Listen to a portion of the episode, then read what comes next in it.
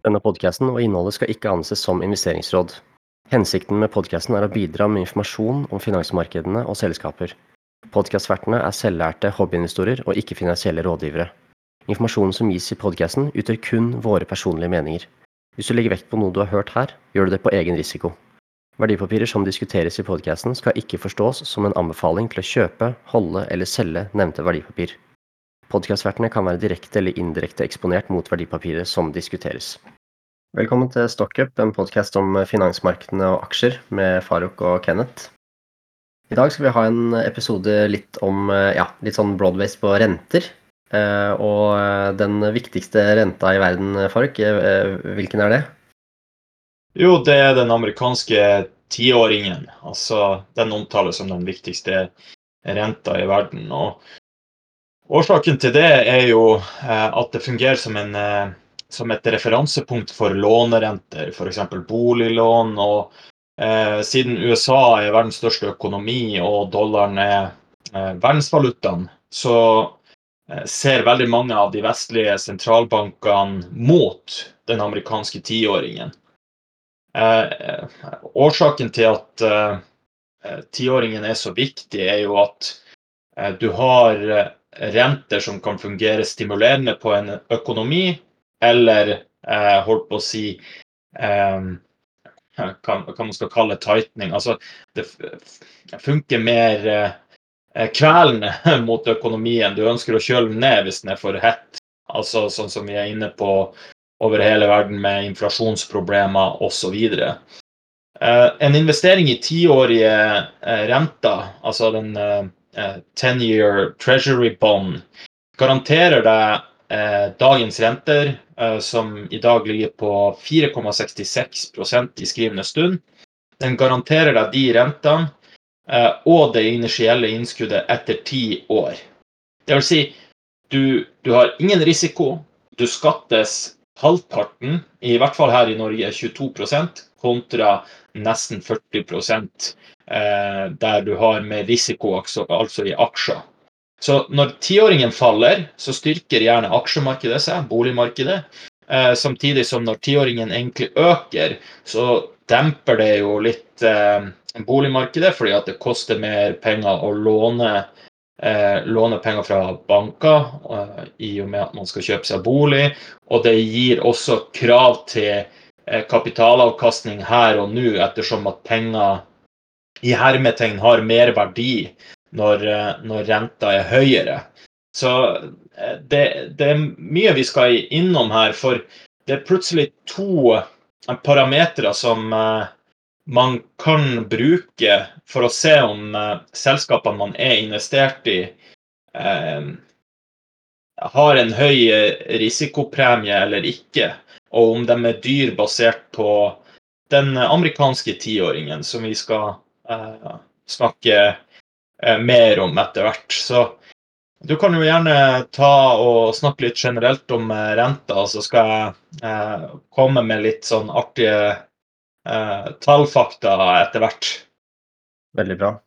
Ja, det er altså med tiåringen, ikke sant. Altså renter generelt, de er jo prisen på kapital, og, og kapital er jo på en måte Eh, the lifeblood of the economy, sier de. Det er det som, eh, som, eh, gjør at ting kan flyte. At du kan gjennomføre transaksjoner eh, hvor du kan ha levering og betaling på, på måte, to forskjellige tidspunkter. Du trenger ikke å, å komme med si, papirpenger eller, eller, noe annet fysisk, altså gull eller noen sånne ting. Du kan bare gjøre eh, oppgjøret i altså med kreditt, som er he helt supert. Gjør veldig, at systemet blir veldig effektivt.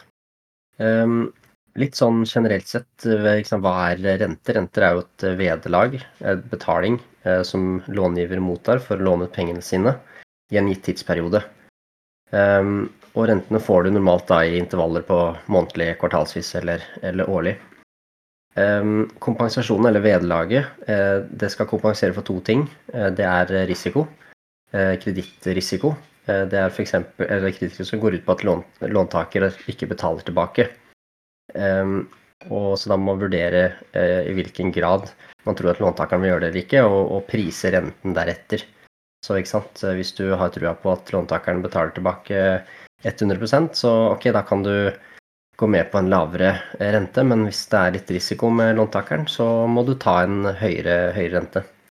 Den andre risikoen man skal kompenseres for, det er durasjon. Altså liksom hvis det er lang tid. Det er jo ganske kjent i økonomien nå at pengene dine de taper kjøpekraften over tid pga. inflasjon. Så jo lenger du låner ut pengene dine, jo høyere rente må du ha, fordi at eh, inflasjonen spiser av kjøpekraften til de rentebetalingene du skal få i fremtiden. Ikke sant? Eh, hvis du eh, får én krone i rente i år igjen, så har den vært mye mer enn hvis du får én krone i rente år ti. Um, man kan som investor investere i litt forskjellige typer objekter, eller papirer, rentepapirer. Det enkleste som de fleste har gjort mye av, det er å, å eh, investere i bankinnskudd. At du har pengene dine og låner dem til banken. Ehm, det er jo i hvert fall for forbrukere ganske dårlig deal, for du ja, får alltid mye dårligere enn det som er markedsrentene. Her eh, bankene tar denne rentedifferansen. Så hvis du har veldig dårlig rente på, på bankinnskuddet ditt, så eh, holdt jeg på å si krig med banken din for å få den høyere, eller uh, se på noen nye bankinnskuddsprodukter, eller i hvert fall bytte bank hvis du ikke er fornøyd. Um, vi har også dårligere utbetalingstakt. Du får normalt rente bare én gang i året. Kanskje, altså Noen banker har litt oftere, uh, men uh, det er mer unntaket. og, ja, og ved å ha pengene i bankinnskudd, så er du nesten garantert å tape mot inflasjonen.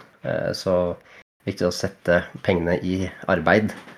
Um, uh, skal vi se Og ja, inflasjon er jo et stort tema, men uh, det går ut på at det skapes nye penger over tid.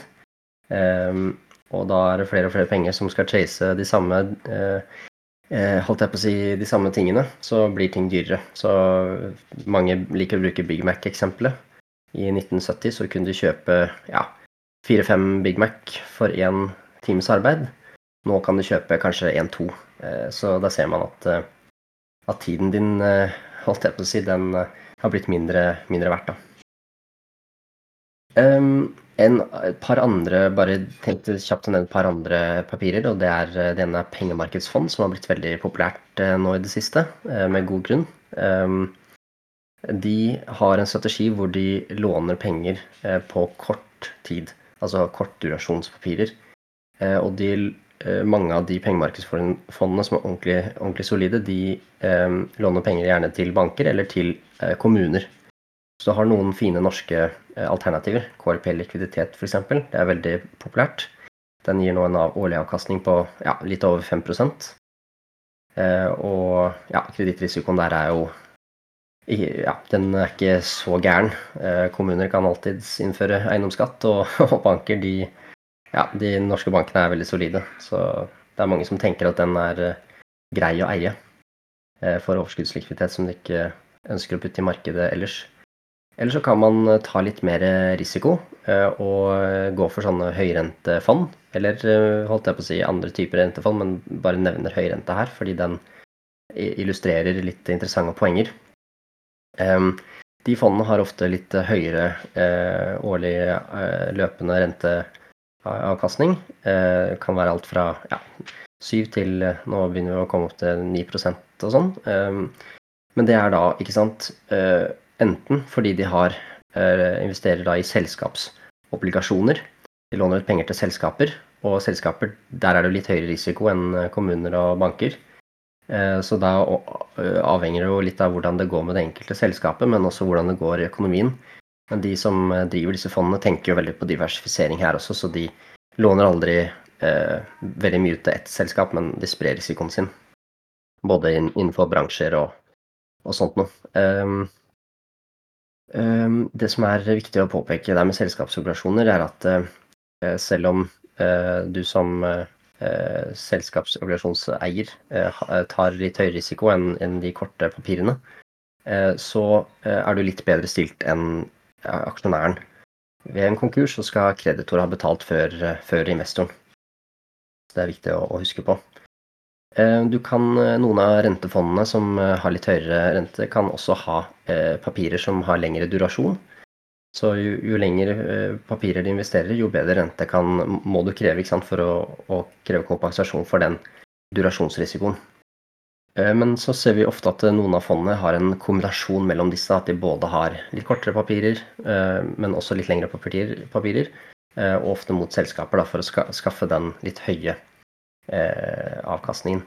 Er det viktig å, å finne ut av, hvis du skal se på et sånt høyrentefond, om du skal gå for eh, selskaper Eller sette som krav til at du skal ha investment grade-selskaper. Eh, for, for, hvis du ikke har investment grade-selskaper som har da trippel B eh, kredittrating eller bedre, så vi, de som ikke har det, de, de bondsa kalles på, på fagspråket for junk bonds.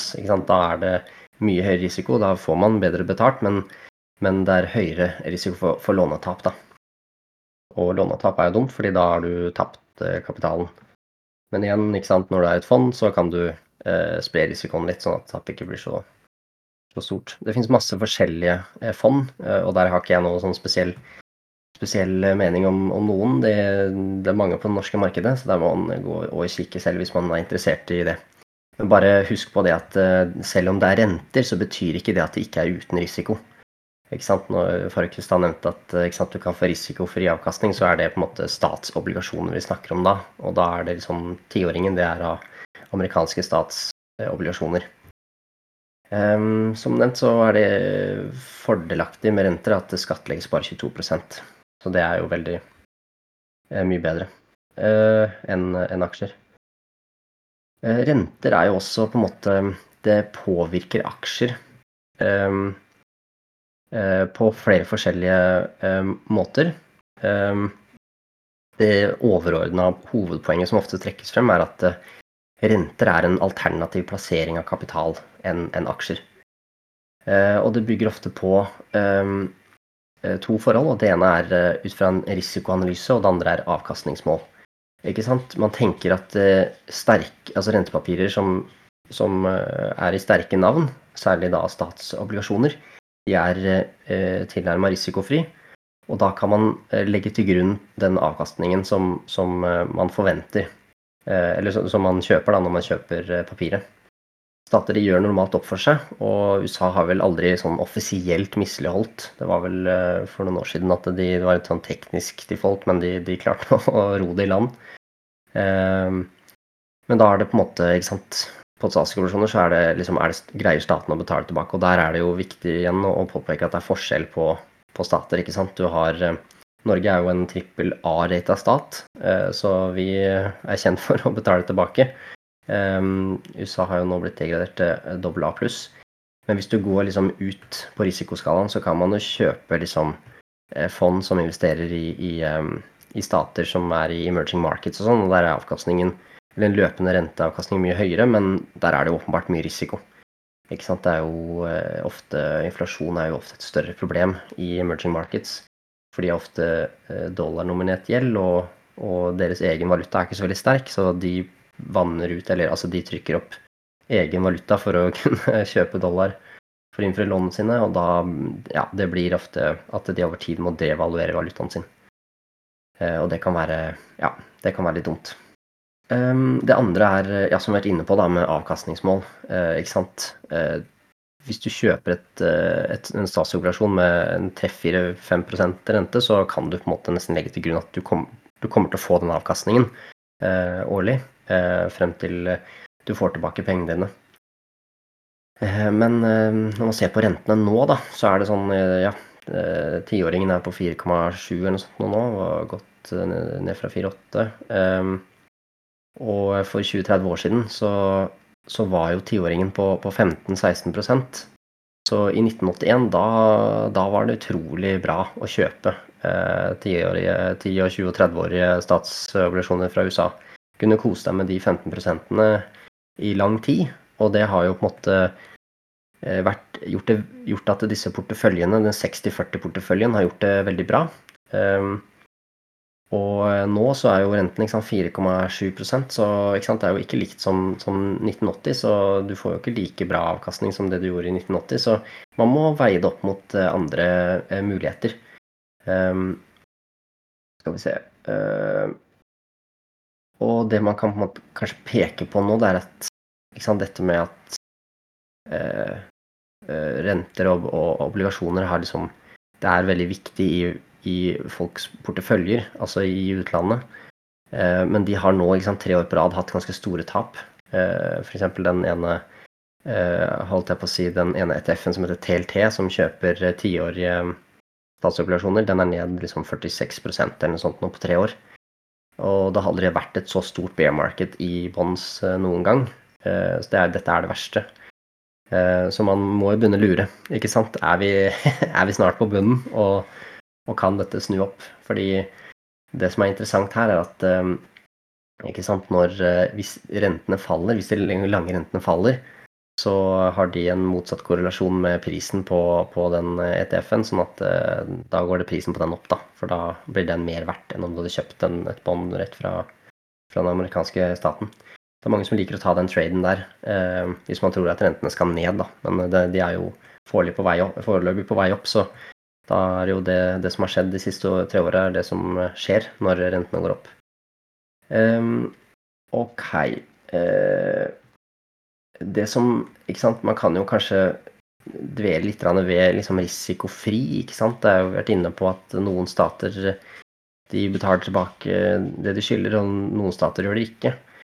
Eh, og USA går for å være risikofri. Den, eh, de betaler alltid gjelda si. Men eh, man må jo se litt på hva de driver med der borte. Og nå har de 33 trillioner i gjeld, og gjeldstaket er oppheva til 2025, så nå kan de jo ta opp så mye gjeld de bare vil. Og de driver og kjører i gang store stimulansepakker, og nå er det krig, og det er masse forbruk og Ja, så det er noen på, som fleiper med å si at nå som inflasjonen er høyere enn normalt, og, og, pengeveksten har vært i hvert fall veldig høy, og nå er den jo i minus, men hvis den eh, går opp igjen, så, så er det noen som fleiper med å si at eh, å kjøpe treasuries er er return free risk. At du, du, er sikker på at eh, du får tilbake pengene dine, men du kan være sikker på at de er mindre verdt. Eh, men uh, det er litt sånn artig, da. Skal vi se.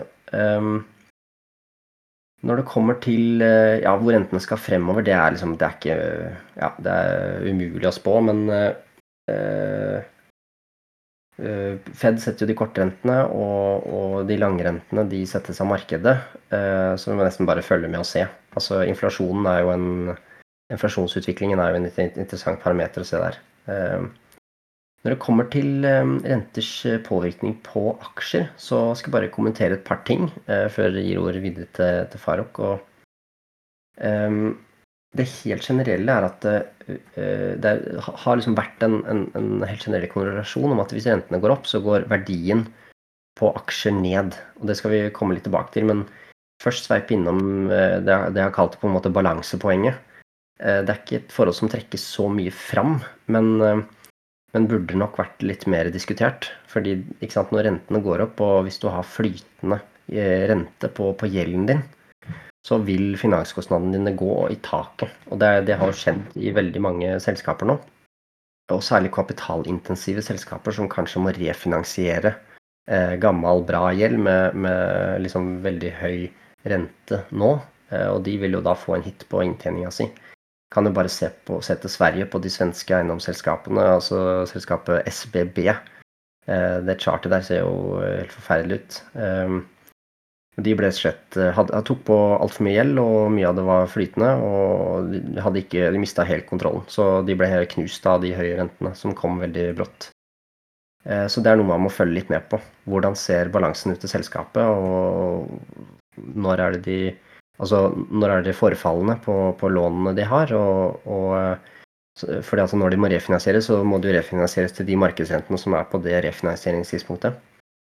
Um, så det jeg tror kanskje er kanskje lurt, er å ikke, ikke bare se på uh, markedsverdien til selskapet, men heller også se på enterprise value. Uh, som da tar du liksom markedsverdien pluss gjeld. Og så vurdere det opp mot uh, kontantstrøm eller andre ting. For da, da, får du For du betaler også for gjelden. ikke sant? Gjelden den må betales tilbake. Den må håndteres. Så hvis man ikke gjør det med disse, særlig disse eiendomsselskapene, så kan man komme skikkelig gærent ut. Eh, når det kommer til den mer, litt mer indirekte effekten på aksjer, så er det jo denne eh, verdsettelsen. altså kontantstrømverdsettelsen. Altså at skal man verdsette et selskaps verdi i dag, så tar man da all total fremtidig kontantstrøm og diskonterer den til en nåverdi for å finne riktig pris i dag, da. Og man gjør det rett og slett fordi at man må, man må liksom ta hensyn til at at inflasjon vil, eh, altså er, er, en effekt eh, som man, eh, så pengenes verditap må du på en måte ta litt hensyn til i verdsettelsen. Litt sånn ok, en dollar i utbytte fra Cola i dag er liksom mye mer verdt enn en dollar i utbytte fra Cola i 2050.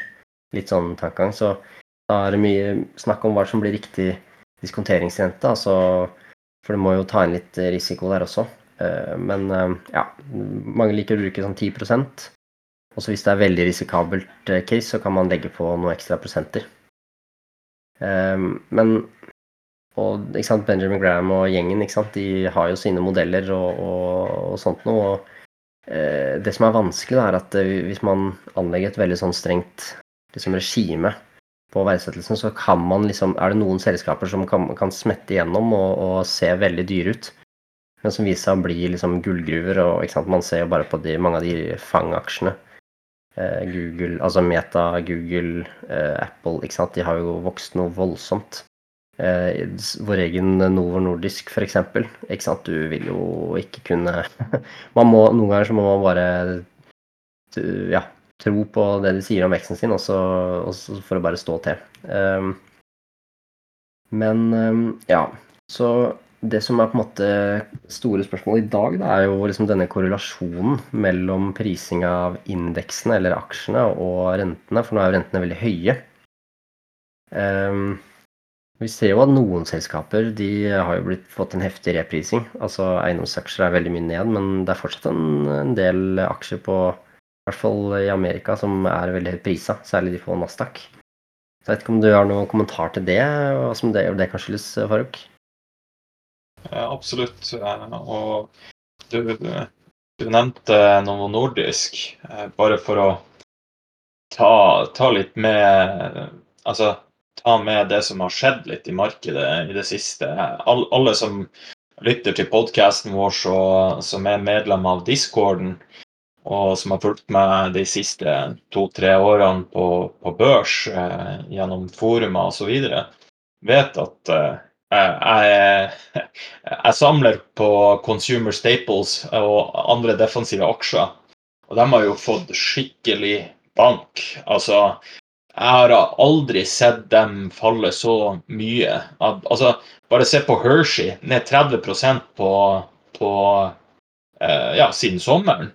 Det er jo helt utrolig. Apropos det, så har jeg økt i Hershey i den siste måneden, både i dag og for noen uker siden. Så jeg, har stor tro på, på det selskapet. Eh, men eh, tilbake til Novo Nordisk.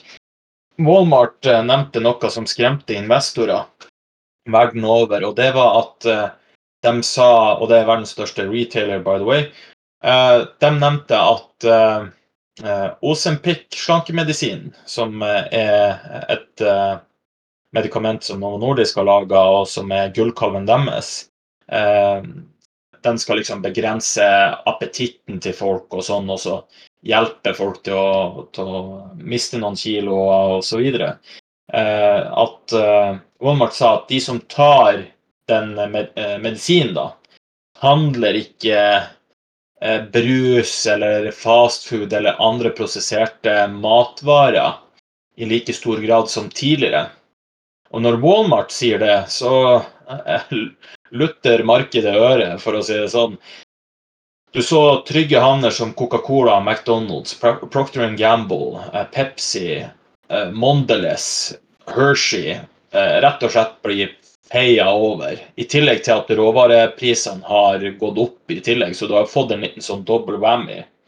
Så ser du plutselig at defensive investorer, som gjerne søker til de her trygge havnene, får plutselig en kjempegod avkastning i tiåringen eh, sammenligna med de her selskapene.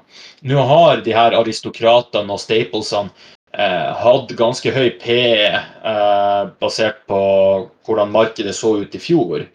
Men når du ser på dem i dag, så har de faktisk ikke vært så billige siden finanskrisa. Og da snakker vi når nedturen faktisk begynte, å, å, å, og folk på en måte rømte tilbake til det her. Eh, det, det interessante her er at eh, Pepsi hadde jo Q3-rapport over i går. Og de kunne ikke se noe problem. Bunnlinja økte, topplinja økte, og de eh, økte guidinga si. Så følg med på det fundamentale i selskapet. Det blir så mye støy i markedet, om det er Walmart eller Rosenpick eller renter, ikke sant. Det, altså, det spiller ingen rolle hva folk sier og hvilke nyheter man blir mata med. Sant? Det er hvordan selskapet faktisk leverer på det du eier. Du eier jo tross alt et selskap, en del av et selskap. Det er, det er liksom ikke, som Peter Lynch pleier å si, a lottery ticket. Det er jo ikke liksom kasino vi driver med egentlig her. Det er ikke spekulasjoner hvis du prøver å regne hjem ting. Og Det er derfor det er så viktig med renter. At, at eh, prisen på penger eksisterer. Det er ikke bra med pengetrykking, kvantitative lettelser og eh, holdt på å si null, altså, nullrenter der, der spekulasjon ønskes velkommen. Det er ikke bra. Det er jo det som førte oss til de her problemene vi har nå. Og vi skyver bare problemene fremover og fremover og fremover. Vi i dag betaler egentlig for pengetrykkinga eh, i, i, 2008, under finanskrisa, fortsatt. Takket være modellene til eh, Bernanke, altså sentralbanksjefen, eh, eh, som, som, var under Obama-administrasjonen. Men uansett, jeg skal ikke gå så mye inn, eh, inn i politikk og sånn. Men det er to metrics, som jeg nevnte innledningsvis i, i episoden, som vi egentlig ikke har snakka så mye om i, eh, i podkasten og på Discord før egentlig forrige uke. Og det var eh, Jeg var jo eh, på en guttetur med pappa til Rotterdam i Nederland en helg. Og eh, flott tur og sånn. Og fattern han er sivilingeniør og elsker matematikk. Og han har vært veldig skeptisk til aksjemarkedet basert på hvor rentene er. Liksom, for han sa la oss regne litt på det. Blir du betalt for risikoen av å være investert i markedet? Og Nå snakker vi ikke om enkeltaksjer, nå snakker vi om markedet i sin helhet. For eh, når renta er såpass høy, så skal jo egentlig aksjemarkedet bevege seg ned. Litt som jeg sa innledningsvis, at eh, boligmarkedet og eh, aksjemarkedet skal få seg en trøkk når tiåringen øker. Og den er på det høyeste siden uh, ja, 2007, tror jeg. Og greia her er at aksjemarkedet er jo på vei opp. Og vi er ikke langt unna all time highs, faktisk. Og det er gjerne på de mer spekulative frontene. altså der det kanskje ikke er topp- og bunnlinjevekst, og du ser marginene bli halvert. Så du ser på en måte at eh, markedet tenker at rentetoppen er nær, og, og alt det der. Eh, det, det, som er Jeg var jo i 2021 jeg var jo en av de første som var bull på renter. Det vil si at jeg var jo veldig sånn opptatt av nå må renta opp, for inflasjonen kommer til å stige. Sant? Og da fniste alle fra, av meg og, og, og, sånn. Og jeg er nå faktisk veldig bedre, altså negativ til rentene som er, eh, som er nå, fordi du ser eh, Eh, forbrukeren egentlig sliter. Selv her i Norge og i USA. og Nå har de begynt å betale ned på studiegjelda si, som ligger mellom 300 og 500 dollar måneden, altså tilsvarende 3300 og 5500 kroner. Så du ser forbrukeren eh, på en måte ikke klarer å få endene til å møtes. Og som Tony Dwyer fint sa, eh, og det gjelder banker òg Banker og forbrukeren ser alltid ut som at de er på det sterkeste. ikke sant? De har tålt alle økningene av kostnader osv. helt til de ikke gjør det. Altså, de er alt, Forbrukeren og bankene ser alltid ut til å være på sitt sterkeste rett før de er på det svakeste. Det er litt sånn eh, interessant, men eh, det har, eh, stemt tidligere i historien. Uansett. Earnings yield og free cash flow yield det er to parametere som Terry Smith er veldig fan av. Mange på, på discorden vet hvem Terry Smith er. Han er en fantastisk forvalter og investor fra Storbritannia. Og veldig konservativ av seg. Og han er litt sånn som du, du nevnte i forhold til Novo Nordisk og andre sånne giganter. Han ser ikke så mye på multipler. Sant? Aksjen kan virke dyr. Han sier han har gjerne vært med på å kjøpe selskaper der hans investorer og kunder eh, som han forvalter penger for, har reagert og sagt hei, du betaler en dyr pris. Og så har han på en måte rettferdiggjort det at dyre selskaper er gjerne også selskaper som er av kvalitet. Så man må jo nyansere, nyansere hva er kvalitet, osv. Men i, i, i motsetning til Eh, de siste ti årene, så har vi den famøse tiåringen som er på 4,66% Nå er den eh, i skrivende stund 4,69, eh, og det er pga. inflasjonstallene som kom i dag. Det går vi litt nærmere inn på senere.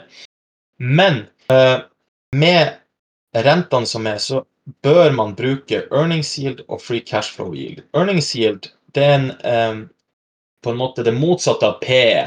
Da tar man EPS-en, og så deler man det på aksjekursen. Det gir deg eh, på en måte en oversikt prosentvis hva selskapet vil generere av inntekter, altså netto inntekter, mot renter. Og free cash flow yield, det er eh, en metric som eh, Terry Smith eh, bruker ofte, og han bruker det til å på en måte verdsette selskaper heller enn PE osv.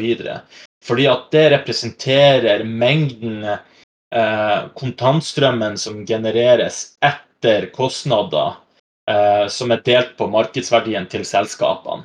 Og Han pleier å si at eh, selskaper som har en free cash flow yield 100 eh, basispunkter over inflasjon, vil være selskaper som kommer til å øke i verdi. Eh, og han sier helst vil han ha en free cash flow yield over 5% og han mener at disse, uansett verdien på tiåringen, vil være bedre enn investering enn tiåringen. Hvorfor? Jo, han sier at eh, verdien til de her selskapene vil øke over tid, mens renta vil forbli eh, på en måte fast, altså fiksert. Så det er jo sånne litt artige parametere man også kan bruke i dag eh, når man skal lete etter eh verdiaksjer da, som skal passe en portefølje. Og Årsaken til at jeg tar frem også at de her eh, mine kjære consumer staples og andre defensive aksjer har fått en trøkk, er at når de fikk en P-ekspansjon i fjor, så ser du at de er virkelig for Altså, de var overprisa, men pga. pricing poweren deres, så, så pga. at inntekta øker samtidig som eh, holdt på å si eh, aksjekursen faller, så når de her bunnen mye kjappere enn andre mer spekulative aksjer som er kanskje litt mer overrepresentert eh, på, på in, de store indeksene som SMP 500 osv. Eh, når jeg har sett litt på earnings yield, så har jeg sett på SMP 500, og per dags dato er earnings yielden på 4,02% til SMP 500. Altså, den er 600 basispunkter lavere enn tiåringen i skrivende stund. Det er ganske oppsiktsvekkende. Eh, jeg har også tatt meg friheten eh, Jeg så på det i går, bare for å se hvor de her Magnificent Seven-aksjene ligger en på i forhold til earnings yield. Og det er artig hvor, hvor, nær, hvor nær hverandre de egentlig er. Så det er ganske tydelig at roboter styrer showet. og og Apple har en earnings yield på 3,6% Amazon 3,3 Nvidia 3,67 og det er etter 200% oppgang i år, som er ganske imponerende.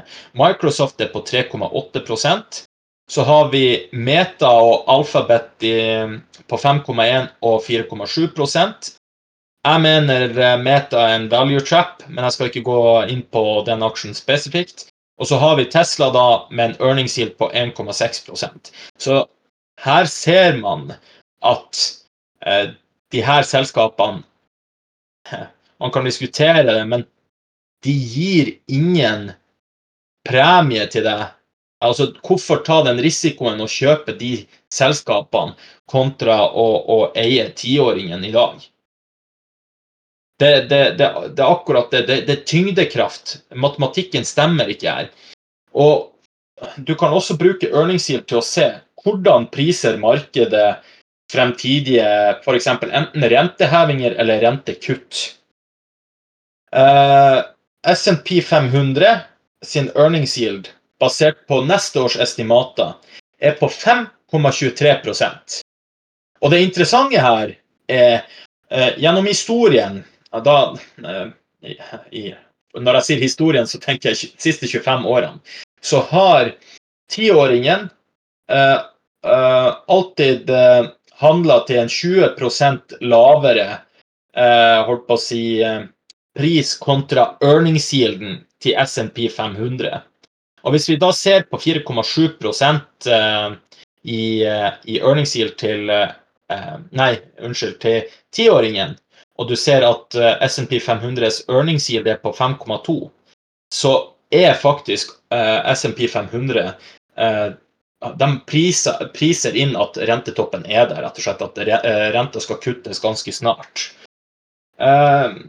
Så jeg, føler i hvert fall at markedet har prisa litt vel mye optimisme. Og at mer, rent på Hvis vi har det der narrativet 'higher for longer', så er, er det ikke rom for mer oppgang, rett og slett. Du, du, blir ikke betalt for risikoen du tar i aksjemarkedet med rentesatsen eh, på tiåringen i dag. Og jeg ser også at det generelle markedet, altså SMP 500, indeksen prises til en 10% premie mot consumer staples. Og det er ganske skremmende når det er, det, det er de som er trygge havner.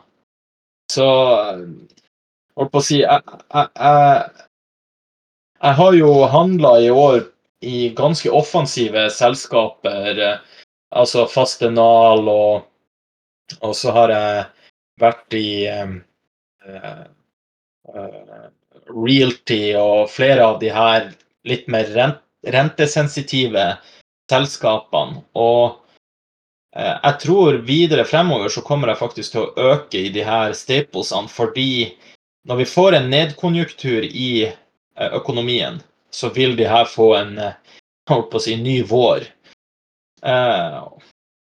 Og husk, hvis renta skal kuttes, hva er det som skal føre til at sentralbankene kommer til å kutte renta.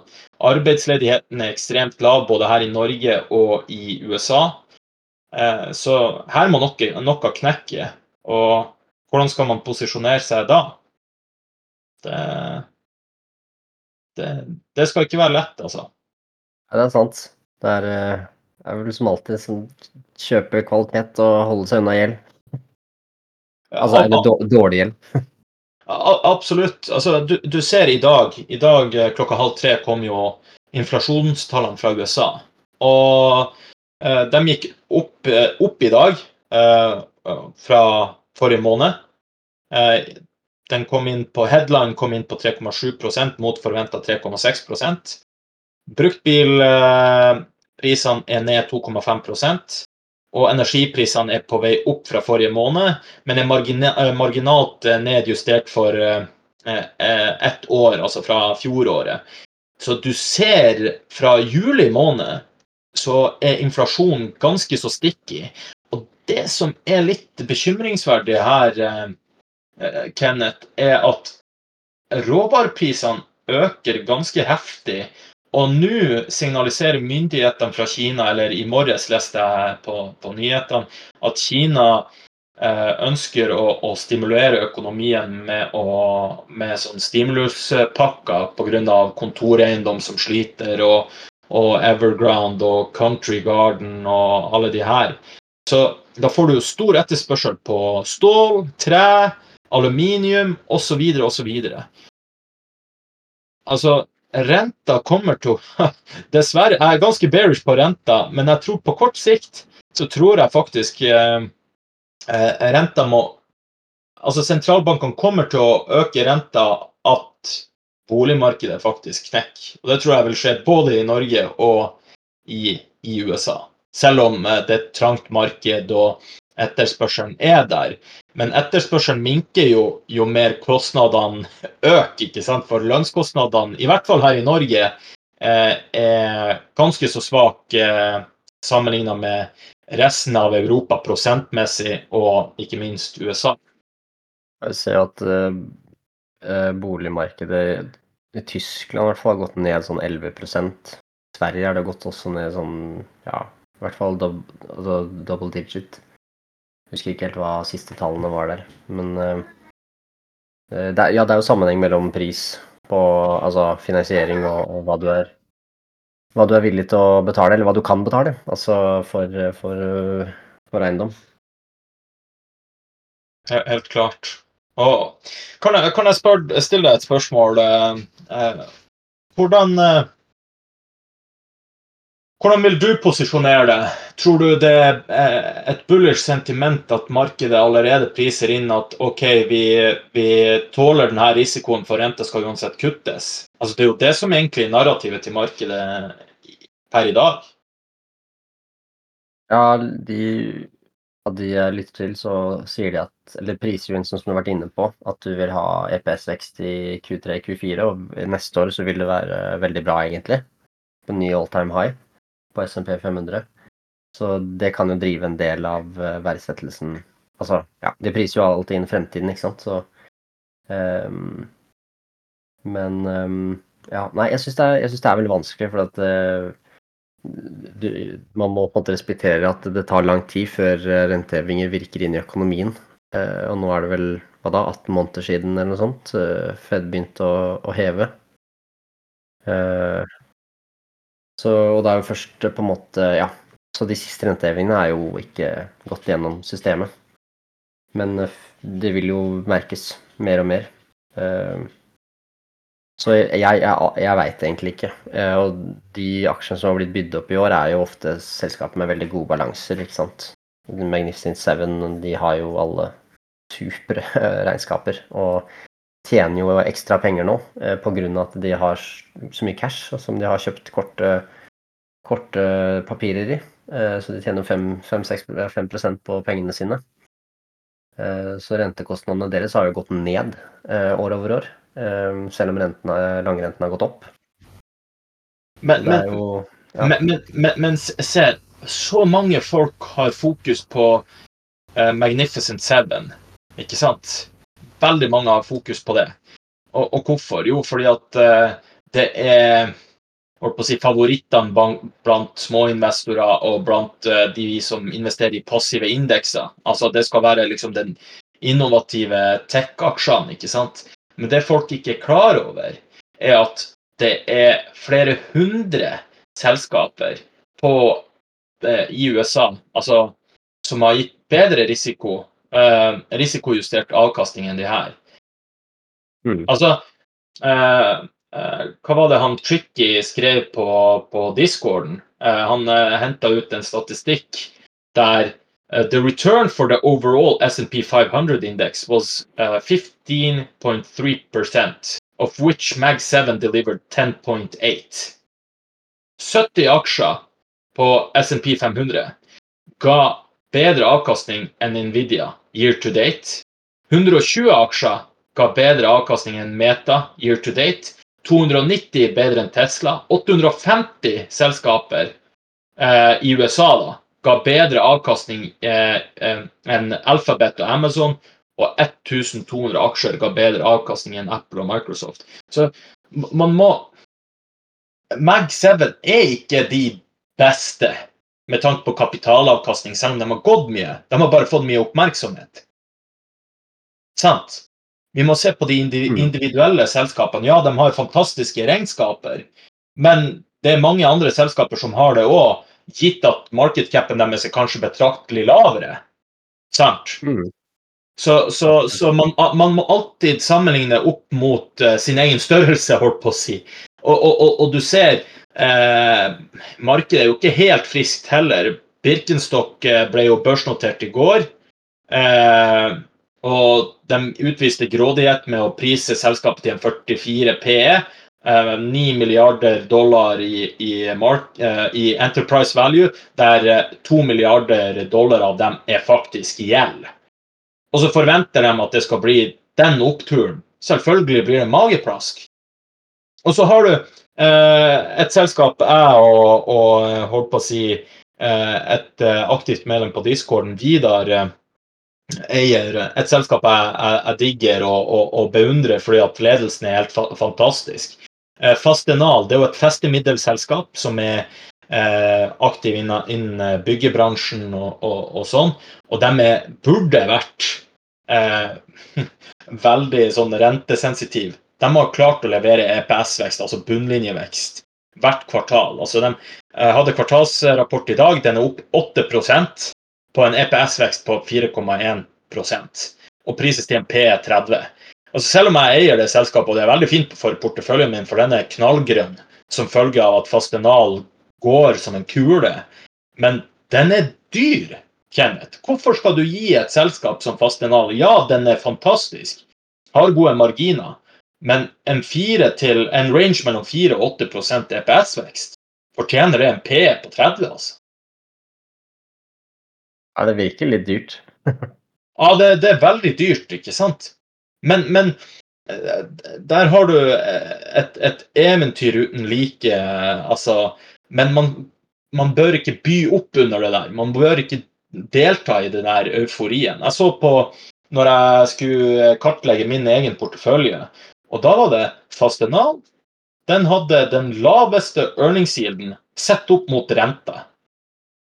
Og den er mest rentesensitiv av alle selskapene jeg eier i lag med American Water Works. Og Fastenal prises til en 40% premie kontra American Water Works, altså gitt mot renta. Og American Water Works hadde 20-30% EPS-vekst. Men hva er forskjellen? Jo, Fastenal er med i, i Nasdaq-indeksen, som også boles opp av passive investorer. Jeg, når, når, jeg ikke får matematikken til å gå opp, så jeg, jeg blir bekymra, altså. Ser den. Ser den. Jeg vet ikke, altså Det man kanskje kan uh, duelle litt ved, som vi har vært inne på, er at uh, ikke sant, hvis du eier et uh, papir, et rentepapir, så får du maksimalt det som er i avtalen. ikke sant? Du får tilbake pengene dine, forhåpentligvis, og så får du renten. Eh, men eier du en aksje, så er det jo eierandel i et selskap, og da er jo oppsiden eh, kan jo være mye høyere. Ikke sant? Så det er vel det Altså, vi liker jo risiko, har vi blitt lært opp til. Så da investerer vi i selskaper, siden vi da kan få høyere avkastning. Jo, og det er kanskje det som er så enkel eh, refleksjon. Jo, jo helt, helt, klart. Altså, det som er skremmende, som Corbain var inne på på discorden, hver gang vi har vært i en sånn her inflasjonssykkel i historien, eh, post andre verdenskrig, også på 70-80-tallet, så det, hadde vi tre omganger. Eh, altså tre inflasjonssparks. Og renta måtte betraktelig mer opp, og det fra lave nivåer eh, i, i, historien, da, til topp, eh, toppnoteringene for å knuse og kjøle ned økonomien. Og får vi det nå Altså, jeg, jeg, jeg, aner ikke, men inflasjonen er veldig klebelig. Altså, Den kommer ikke til å gi seg lett. Folk vil ha økte lønninger. Du har uh, fagforeninger i USA også som streiker med politisk støtte. Sant? Det er jo mellomvalg osv. Eh, her i Norge har vi et statsbudsjett også som er ja, ja. lack, for, lack of a better word, altså helt begredelig. Men Altså, politikerne hjelper ikke situasjonen. Det, det, det, det, pøses inn penger. sant? Så selvfølgelig går du inn i aksjemarkedet for å få din bit av kaka. Men du som forbruker blir jo ja, knust. Mm. Jeg tror kanskje det, er et viktig poeng, det der. At uh, inflasjonsøkonomien den er lagd for uh, spenders, not savers. uh, du, som på bankinnskuddet ditt, så hvis det er én ting som er sikkert, er at uh, du kommer til å få mindre avkastning enn inflasjonen. Uh, så da må du liksom det, Ja, det er ikke noe insentiv til å spare, men så da må du plassere pengene dine i noe som er, er bedre. og ja, man ser jo det er verdi på ting. Gjerne eiendom og, også aksjer, da. Det, det følger inflasjonen oppover. selvfølgelig hvis man ikke gjør feil, da kjøper dårlige objekter. Men. Er det noe du planlegger å kjøpe eh, holdt på å si, de, den nærmeste tida, eller sitter du litt på gjerdet og venter sjøl? Um, ehm, nei, altså jeg kikker jo veldig på Altså uh, Jeg prøver jo å time den rentetoppen. Um, så jeg ser jo på de tiårige statsobligasjonene, for å være helt ærlig. Altså det kan bli en bra, bra kapitalavkastning på dem hvis renta går fra, la oss si, når den når toppen, da Eh, og begynner å komme ned. Altså i løpet av tolv måneder, kanskje. Hvis det går noe gærent i økonomien så, og Fed må kutte, så kan man få en hyggelig kapitalavkastning der. Um, men det er jo på en måte et resesjonsplay, på en måte. Men uh, der har jeg Jeg tok en trade her nå i ja, på en uke som var nå. Kjøpte på, på, på toppen, og så solgte Altså motsatt, da, ikke sant. Da, da den Bond-ETF-en var billig, og så solgte jeg den nå når den hadde gått opp eh, 7-8 Så jeg følger bare med på den. Ellers så kikker jeg alltid på de tingene jeg liker. Men, eh, men jeg veldig, følger veldig mye med på oljeprisen, ser hva den gjør, og på uranmarkedet. Eh, så jeg har litt ekstra tørt krutt eh, for å, putte inn når, eh, når ting lysner, holdt jeg på å si. Men eh, ja. Ja, det er ett selskap som jeg har uh, gjort en del research på, som heter New Fortress Energy. Som, uh, som jeg kanskje Der har jeg nesten full posisjon, men den kan godt hende at jeg fyller litt på hvis den dipper igjen. Hva med deg? Nei, jeg holdt på å si Jeg, jeg syns verdsettelsen på veldig mange selskaper er litt søkt, altså litt, litt vel høyt. Og når mine favorittaksjer som er staples, eh, og er bransjer som jeg kan veldig godt, da, eh, bank, får bank, da, så, så vurderer jeg faktisk å bare øke i dem. Altså egentlig bare vente på, eh, på at verdsettelsene til, til de selskapene jeg har på watchlist, skal, skal bli attraktiv, rett og slett. Altså, vi ser jo eh, Det er jo ingen hemmelighet. Jeg jo jeg elsker jo ATD, og den er jo på nesten all time high hele tida. Og Murphy USA ja, det er jo en fest hver dag. Så jeg ser kursmålene øker eh, øk, økte fra 400 til 520 på Murphy USA. Så det, det, det, er mange fine investeringsobjekter som, som jeg er fan av i porteføljen min. Men klart, det smerter å se utility som American Water Works gå så kraftig ned når det fundamentale faktisk er helt intakt. altså. Ja, ikke sant. Men det er, det er ikke sant? de veldig kapitalintensive eh, forretningsmodellene får litt eh, Ja, de, de kjenner jo først, for at de har jo refinansierings... eh, Altså vekstkapital og refinansiering, det er, det er gjeldsbasert. Og selvfølgelig de aller beste utildelsene, de får jo tilgang til den beste eh, markedskapitalen, selvfølgelig. Men, eh, men de, ja, de, de, blir truffet ganske tidlig når rentene, renteforventningene er eh, stigende. Forresten, eh, før vi runder av, så har dollaren truffet Altså, én dollar koster 11 kroner nå. Ja, nettopp. Så det tok kort tid. Ja, det, det gjorde det. Det gjorde det. Dixin er opp 07 i dag. Så, men uh, oljeprisen ja, den er ned. Ikke sant? Så du får dollar styrker seg generelt, og nok svekker seg pga. olje. Så Jo, jo. Det, men, men pga. inflasjonstallene som kom, så svekka jo den norske krona seg tvert. Nå er det bare at uh, den svekker seg ytterligere. Mm. Så Nei, eh, jeg tror folk ser at det her blir eh, Altså, nå prises faktisk det inn en eh, renteøkning i USA i november, tror jeg det. Så det, det er spennende. Og så mm. får vi se bare hvordan markedet beveger seg videre. Absolutt.